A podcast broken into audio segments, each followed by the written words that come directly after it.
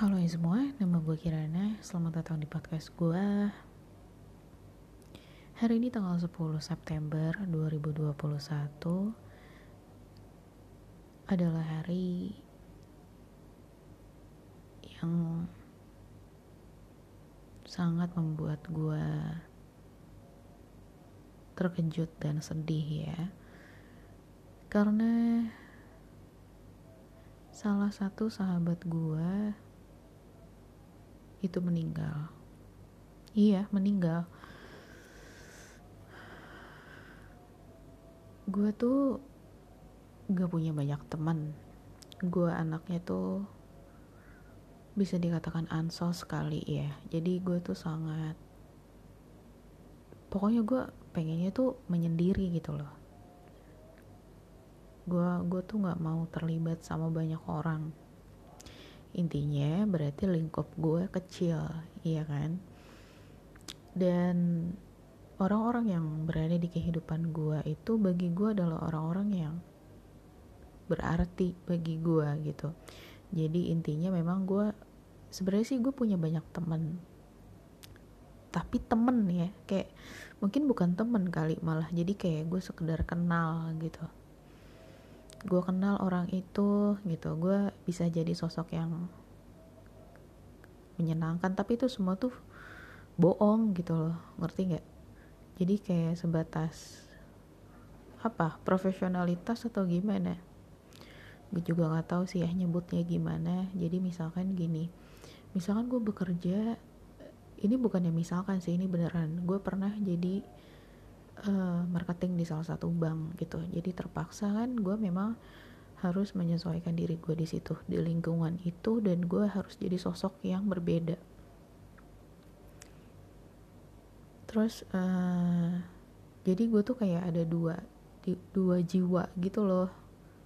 Gue tuh lama-lama udah kayak dua punya dua kepribadian gitu jadi ketika gue di kantor gue tuh kayak berusaha setengah mati untuk menjadi orang lain gitu.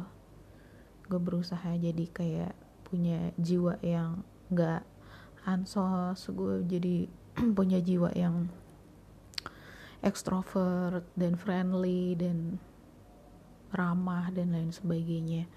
Padahal kalau pas gue keluar dari kantor gitu ya ketika gue pulang gitu gue tuh nangis gue nangis karena gue sebegitu sadar bahwa ini bukan diri gue gitu. Makanya gue resign kan.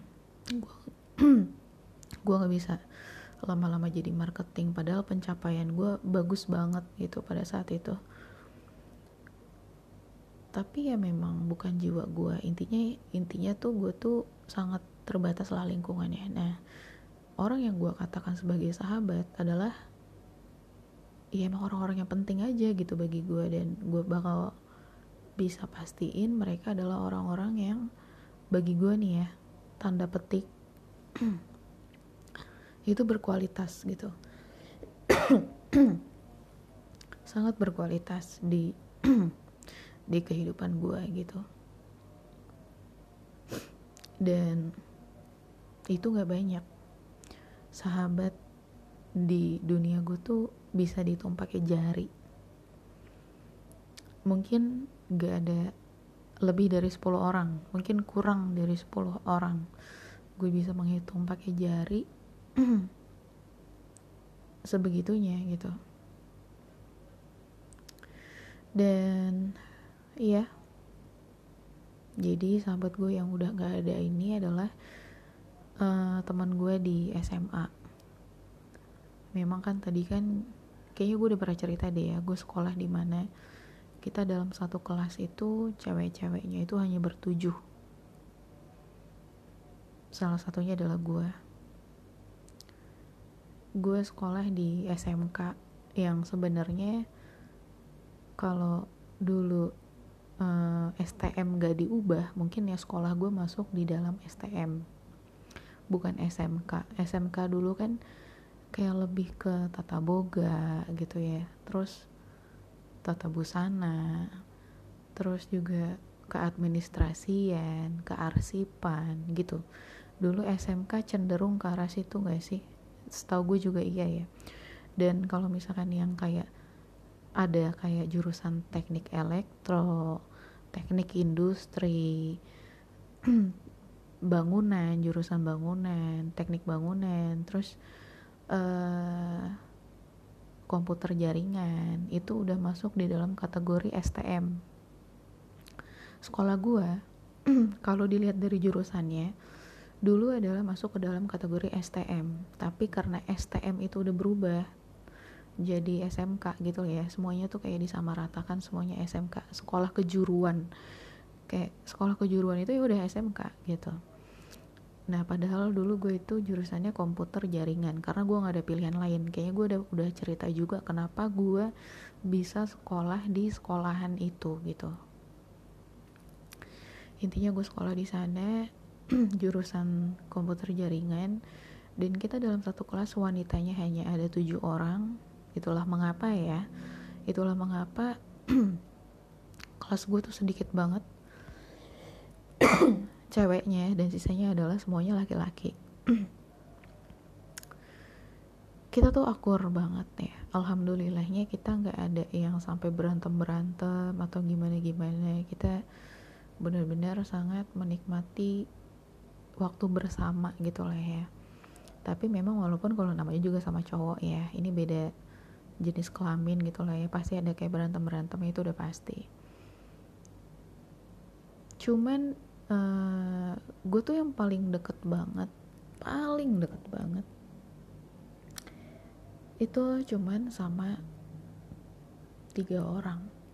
Dari tujuh orang itu kita kita tuh selalu bersama berempat gitu loh.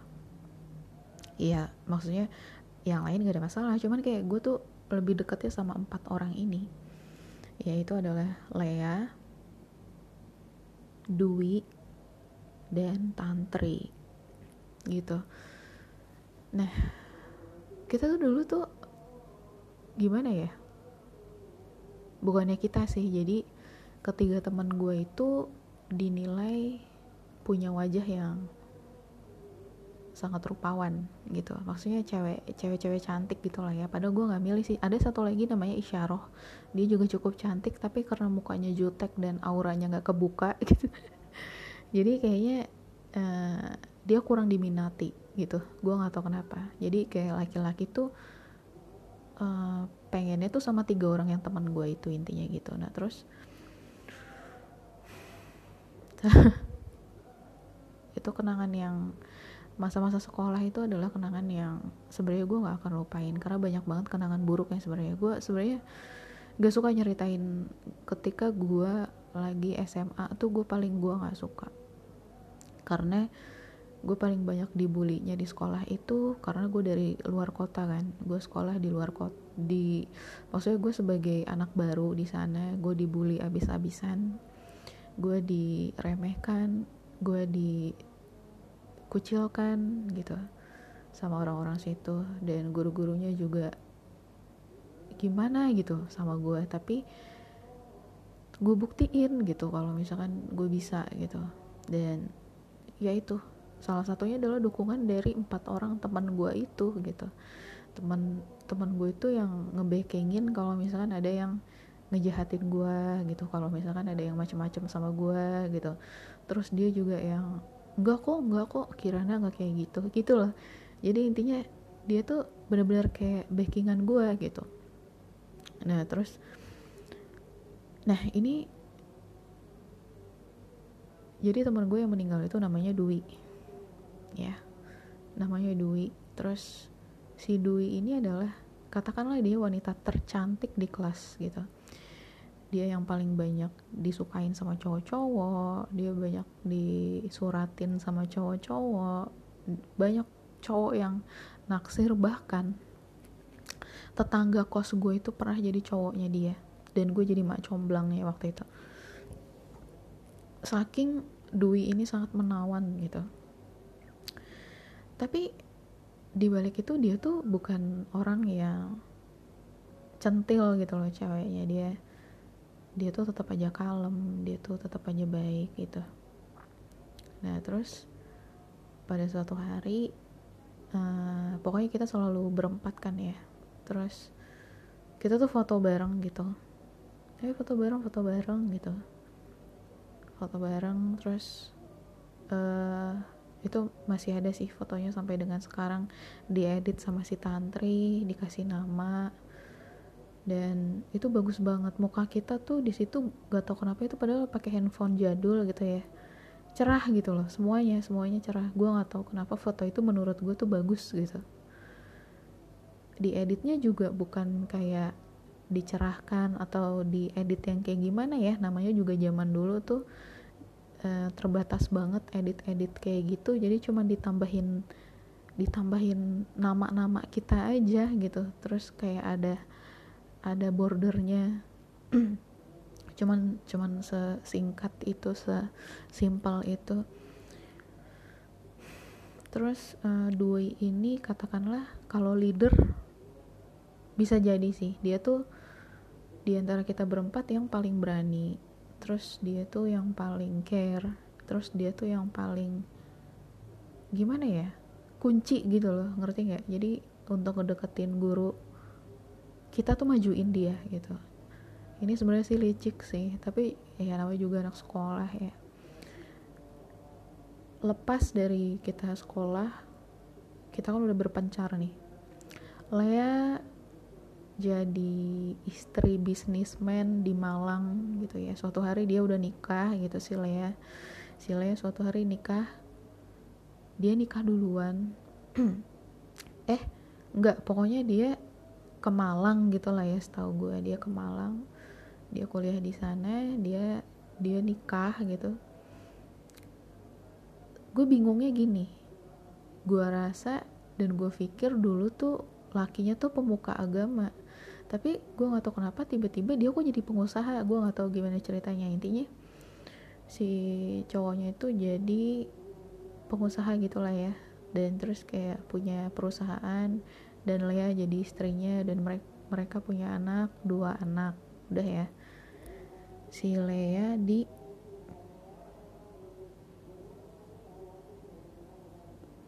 si Lea di Malang gitu berarti terus selanjutnya Dwi Dwi ternyata ke Jakarta gitu.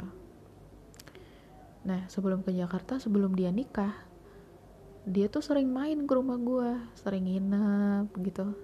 Sering nginep terus uh, eh, gue gue kenalin sama teman-teman gue sama sahabat-sahabat gue yang lain gitu. Teman-teman SMP gue gue kenalin gue kenalin ke mantan gue yang pertama si Febri.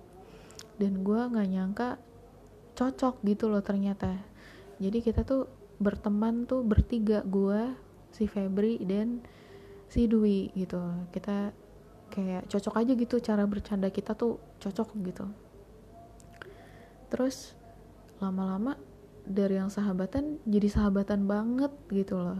Jadi sahabatan banget terus uh, kita sering main kita sering walaupun si Dwi itu udah pulang gitu ya kita tetap aja kayak bercanda-canda lewat SMS kayak gitu. Kayak gitu deh pokoknya intinya kita tuh deket banget dulu gitu. Nah terus gue sempet lost contact sama si Dwi. Gue nggak tahu gue lupa. Pokoknya intinya dia kuliah dia kuliah dia lulus S1 jurusan sastra Inggris. Terus dia nikah tiba-tiba dia nikah gitu. Nah di situ gue tuh kayaknya gue nggak dikabarin apa gue dikabarin atau gimana ya gue juga lupa sih itu udah lama banget. Terus intinya setelah dia nikah itu gue lost contact lagi. Jadi nggak tahu kenapa ini yang bener-bener ekstrim sih lost kontaknya tuh gue nggak tahu nomornya dia gue nggak tahu dia tinggal di mana media sosialnya nggak aktif gitu. Jadi dia tuh kayak sempet yang hilang aja gitu. Di situ gue tuh kayak ngerasa gitu banget ya si Dwi ya gitu kan. Kayak abis nikah terus bener-bener hilang gitu. Kayak bener-bener kayak ya kasarannya tuh kayak orang yang sombong gitu. Tapi mungkin ya karena gue juga lagi sibuk juga kan sama dunia gue gitu. Karena gue kan memang tipe orang yang kalau gue udah sama mantan gue maksudnya kalau gue udah udah sama pasangan gue ya udah cuman pasangan gue gitu. Gue tuh kayak nggak peduli sama sahabat gue dan lain sebagainya itu yang di dalam dunia gue tuh cuman pacar gue gitu. Mungkin karena gue lagi sibuk juga sama diri gue sendiri gue tuh nggak terlalu keberatan gitu loh.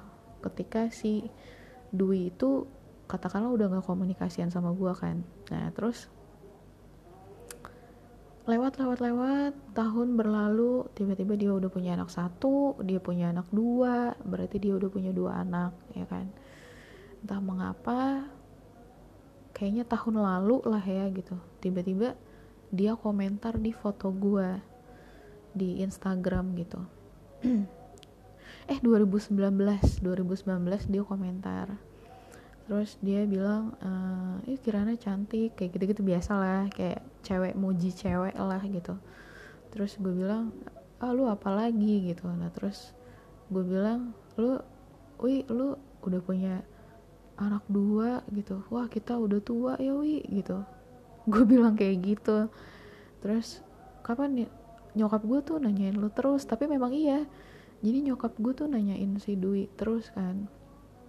Dwi di mana sekarang? Tinggal di mana? Dia anaknya udah berapa? Jadi nyokap gue tuh nanyain si Dwi terus gitu. Karena saking kita dulu kan deket banget gitu ya nyokap gue tuh sering cerita juga ke Dwi. Dwi kan orangnya seru banget kan nah terus uh, akhirnya kita tukeran WhatsApp gitu. Kita kontek-kontekan lagi tuh bercanda-canda lagi di WhatsApp. Terus karena gue juga gimana ya gue kan juga punya usaha kan. Terus dia beli barang dagangan gue. Terus ya gue nggak bisa beli barang dia karena terlalu girly gitu. Kayak bajunya tuh baju yang bukan girly sih maksudnya tuh uh, yang tipe-tipe gamis-gamis gitu. Sedangkan kan gue nggak pakai hijab kan gitu. Jadi kayak nggak cocok aja gitu.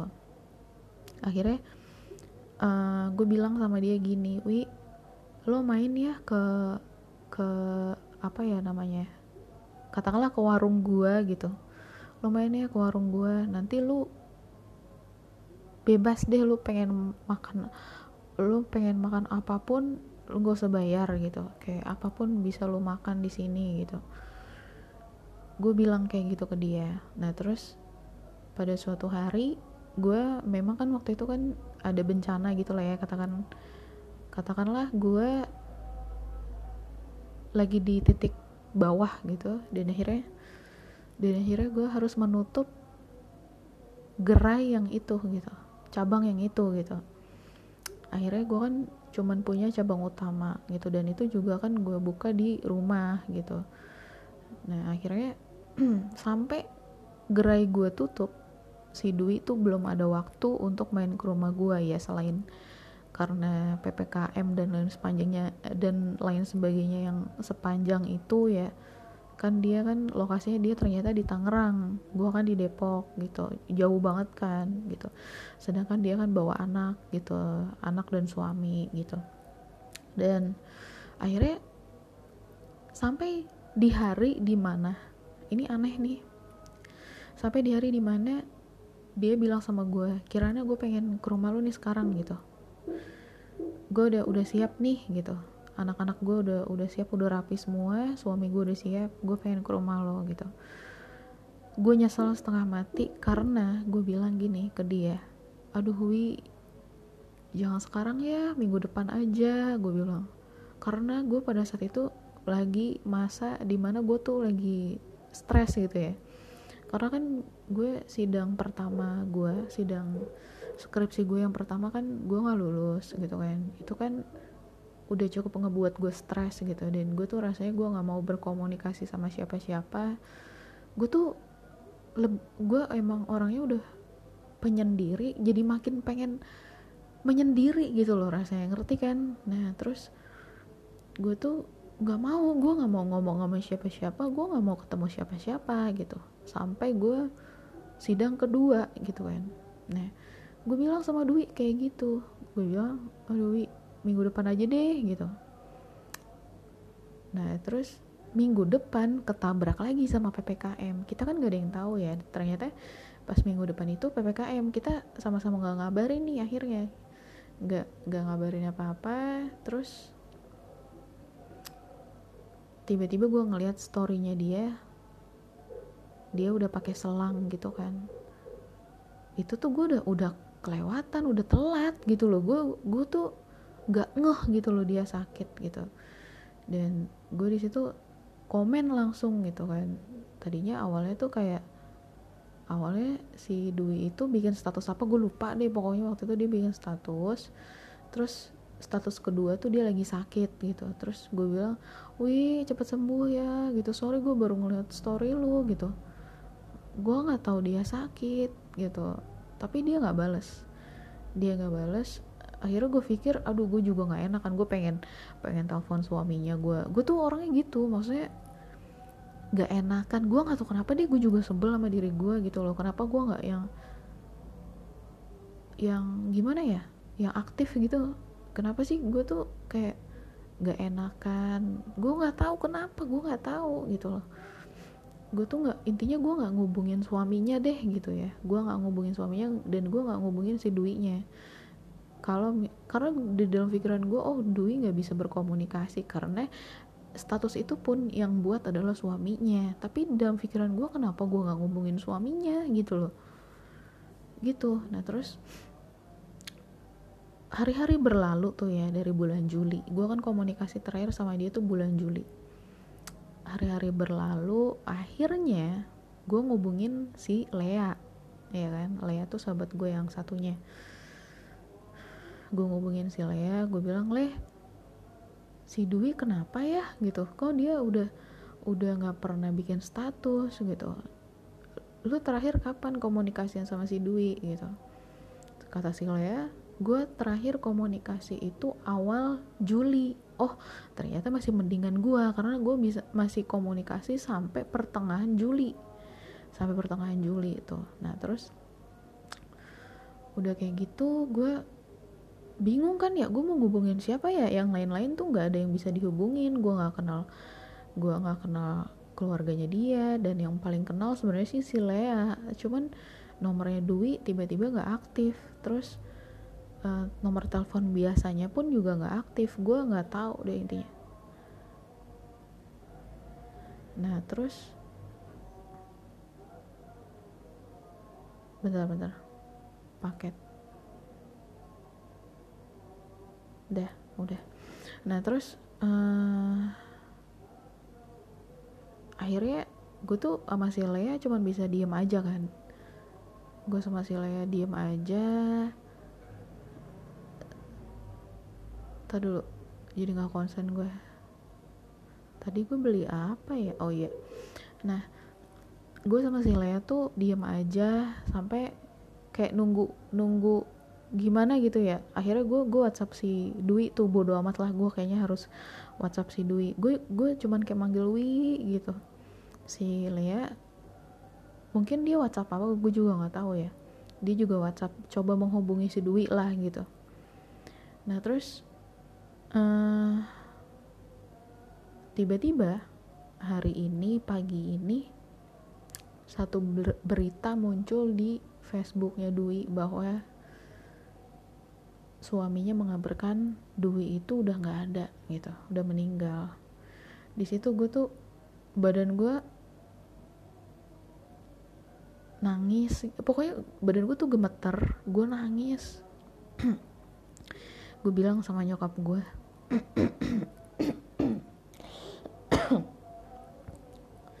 gue bilang sama nyokap gue bu Dwi udah nggak ada gitu. Terus tapi gue sambil nangis tuh terus nyokap gue bilang innalillahi kenapa? Gitu. Sakit kayaknya gue bilang. Terus gue nangis dulu tuh gue nangis dulu. Ibu gue nanya kan ehm, coba ibu lihat kan lihat dari Facebook gitu kan. Iya meninggalnya kemarin gitu tanggal tanggal 9 9 September. Terus ya udah gitu nyokap gue ninggalin gue sendiri jadi gue tuh masih nangis gitu. Gue nggak tahu kenapa bukan yang nggak tahu kenapa sih gue udah jelas-jelas gue sedih banget gitu ya. Ini sahabat gue tuh udah nggak ada gitu. Gue coming out itu ke beberapa orang gitu ya. Ke sahabat gue ke nyokap gue nyokap gue udah tahu gue tuh lesbian ke kakak gue udah sih cuman sebatas itu. Gue pada suatu hari aduh pada suatu hari gue bilang sama si Dwi Wi makasih ya lo udah nerima gue gue bilang. Iya nggak apa-apa gue sebenarnya udah tahu kok kalau misalkan lu sama si Febri itu pacaran gitu. Serius lo iya gue udah tahu gitu tapi lo nerima gue ya nerima lah gitu. Kan lo teman gue lo sahabat gue gitu. Gue di situ kayak makasih ya gitu. Jadi lega aja gitu. Makasih ya wi. Gue gue lega gitu. Gue bilang kalau dan lo nggak ada masalah dan kita tetap sahabatan. Kayak gitu-gitu. Gue intinya bilang kayak gitu ke dia. Gue tuh ini ada yang aneh nih dia kan mau ke rumah gue ya tiba-tiba gitu. Beberapa hari kemudian uh, sebelumnya beberapa hari sebelumnya ini gue langsung teleponan kan sama si Lea. Lea Lea Dwi udah nggak ada gue bilang. Iya nggak nggak ada gitu. Iya. Jadi kayak gue tuh kayak bingung gitu loh gue pengen ngomong apa. Kayak kita sempet yang kayak pas ketika iya nggak ada. Iya gitu tuh kita tuh kayak diem gitu. Kok iso sih? gitu. Terus kayak gue tuh yang kayak ngomong pakai bahasa Jawa kan sama dia. Terus ya, si Lea juga ngomongnya pakai bahasa Jawa gitu. Aku kayak gitu lah. Gue gue nggak bisa ngulangin sih. Karena kan gue nggak medok ya bahasa Jawanya tuh kayak gue takut takut maksudnya gue jelek lah bahasa Jawanya gitu. Dia tuh gue ngerti dia ngomong apa. Dia bilang aku aku juga udah punya perasaan gak enak punya firasat buruk waktu si Dwi nggak bisa dihubungin. Terus juga waktu itu dia bilang katanya mau ke Malang mau ketemu aku. Nah di situ gue yang langsung hah? Dia dia mau ketemu sama lu kapan Juli itu dia bilang yang waktu terakhir aku komunikasian sama dia gitu. Terus gue bilang sama Lea lu tahu nggak? Sebenarnya di bulan Mei intinya sebelum eh enggak dong. Si enggak dong. Jadi setelah itu dong ya berarti ya. Kan gue kan Juli tuh yang pas lagi gue struggling sama sidang gue kan. Nah Juli juga berarti di bulan yang sama tapi duluan dia gitu. Di bulan yang sama si Dwi tuh pengen pengen ketemu gue itu jarang-jarang banget maksud gue tuh. Kita udah lost kontak lama banget. Terus dia tuh kayak tiba-tiba dia pokoknya dia ini kayak gue nggak percaya dari Tangerang loh. Dari Tangerang dia mau ke rumah gue gitu ini serius nih gitu. Gue gue tuh sampai yang kayak serius nih dia mau ke rumah gue gitu. Jadi kayak seolah-olah dia tuh kayak pengen ketemu gue gitu. Nah si Dwi ini juga mau ketemu si Lea gitu. Ternyata ya gue baru tahu gitu. Gue baru tahu dia mau ketemu sama si Lea. Di situ kita tuh kayak semakin kaget gitu. Apakah ini tandanya dia tuh mau ketemu kita dulu gitu loh. Tapi kita sama-sama nggak bisa. Waktu itu kan ternyata di bulan Mei gitu ya. Jadi si Lea itu sempat kena covid. Satu keluarga kena covid Leanya juga anak-anaknya juga suaminya juga. Pokoknya intinya satu keluarga deh di situ gue yang kayak kita bengong lagi gitu. Bukan gue doang. Kita bengong lagi dan oke okay, gitu. Kita melewatkan mungkin katakanlah permintaan dia gitu gak sih? Kayak gue pengen ketemu lo yang terakhir gitu. Gue jadi sedih lagi anjir. Tadi gue udah kayak nguat-nguatin gitu. Gitu. Nah terus udah dari situ gue bilang sama si Lea gue tuh nggak bisa berhenti nangis le gitu. Dari pagi ketika gue tahu sampai sampai tadi. Kalau nggak gara-gara gue tuh disuruh ngambil bansos sama emak gue gue mungkin masih nangis gitu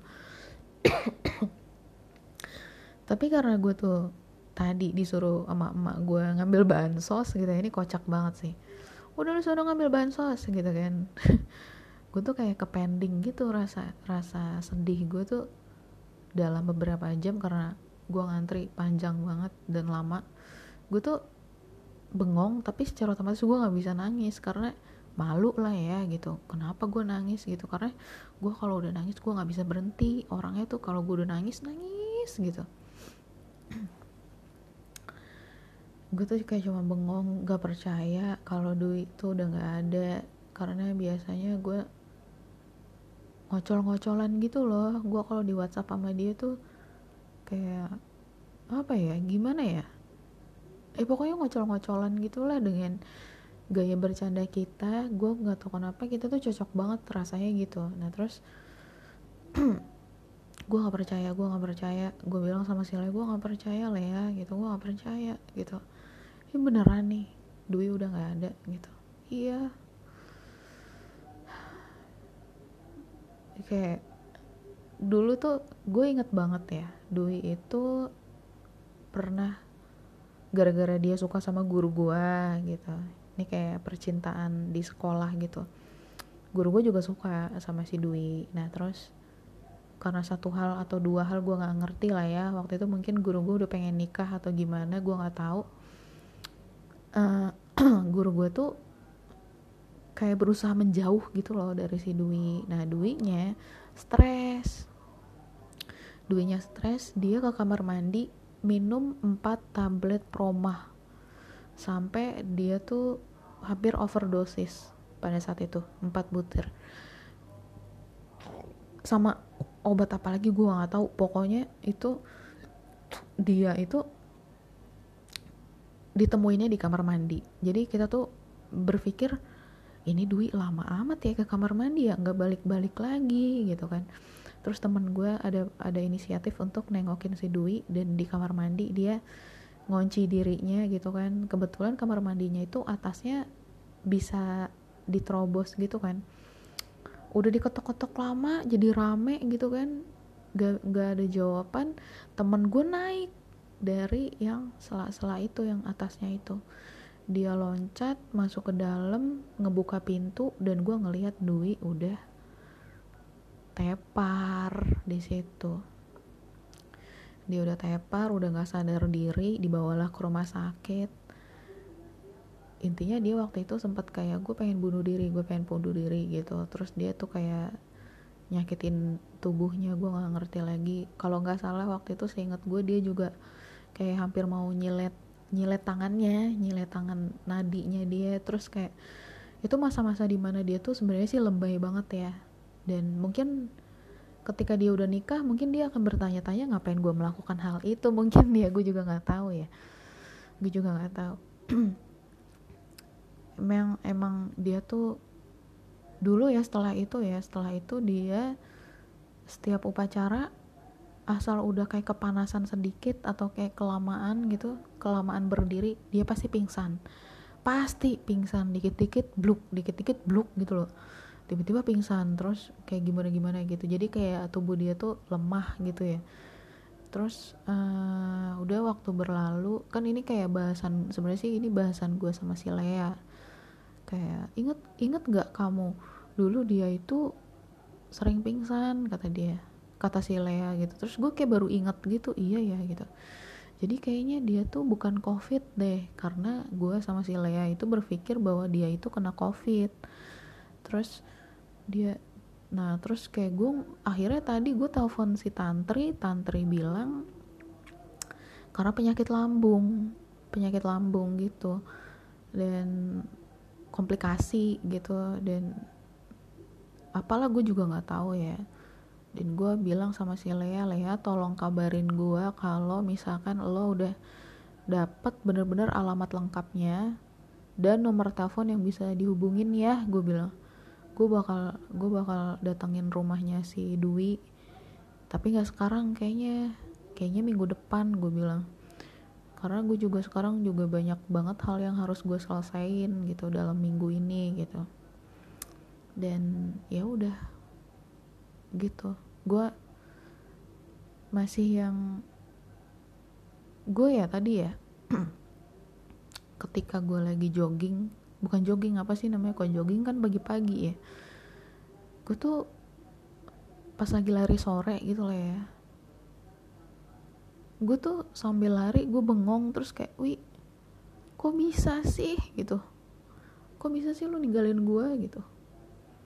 Kok bisa sih lu tuh pergi gitu aja? Gitu. Kok semudah itu di umur lo yang 30 kok bisa sih Wi? Gitu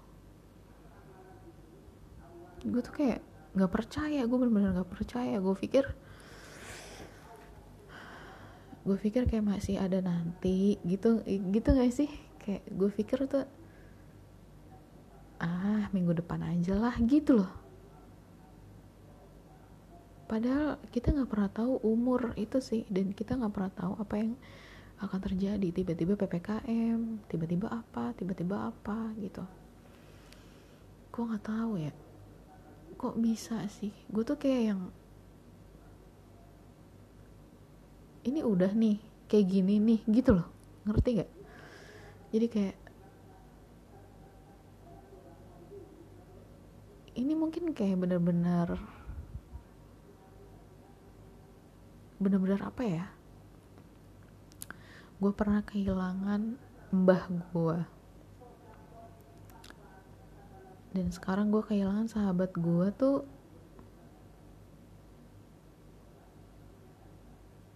kayaknya ada yang kurang gitu loh. Ngerti gak karena gue sama dia tuh beda lah bercandanya gitu ya. Kayak ah susah deh susah digambarin. Gue sama dia tuh cuman bercandaan kita tuh cuman kita aja yang tahu gitu loh ngerti gak gimana ya gue bercanda gini gitu. Dia tuh kayak oh bisa aja kayak dalam mungkin dalam real life-nya kita toyor-toyoran gitu.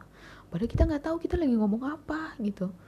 Sama sama dia doang gue tuh kayak nggak ngerasa takut untuk kayak gue pengen ngomong apa aja gitu loh. Padahal gue kan orangnya sering banget salah kan kalau lagi ngomong gitu. Gue sering banget salah gitu. Tapi sama dia tuh kayak ah udah nyantai aja gitu loh. Kayak dia dia juga dia sebenarnya ngerti dia tahu gue salah ngomong tapi dia tuh kayak yang ah gitu loh. Jadi kayak kita bercandanya tuh masuk gitu loh. Menurut gue sih gitu ya gue nggak tahu sih dari sisi dia cuman dia tuh memang salah satu sahabat gue yang benar-benar dia tuh sahabat gitu loh menurut gue so we eh sampai ya sampai. Sampai gue gue sempet doa kayak gini loh. Ya Tuhan Dwi kan udah nggak ada ya. Bisa nggak sih Dwi itu jadi temen Maya? Gue bukan teman Maya gimana ya? Bentukannya roh gitu ngerti gak sih lo? Kayak misalkan kayak temen tak kasat mata gue bisa gak sih gitu loh. Sampai gue memohon kayak gitu gue bilang sama Allah ya Allah bisa gak sih Dwi itu jadi teman kasat mata gue aja gitu. Yang nemenin shit lah. Yang nemenin gue gitu maksudnya. Yang ah udah aku sedih deh. Wih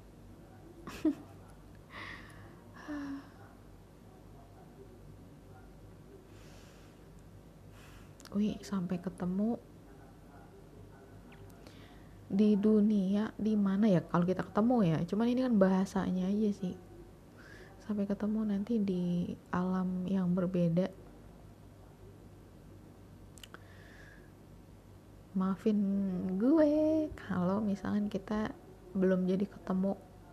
Dan mungkin gue bukan temen yang temen yang baik buat lo gitu. Tapi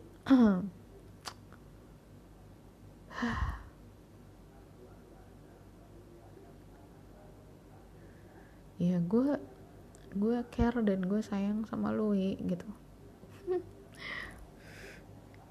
Ya udah gitu aja. Bye bye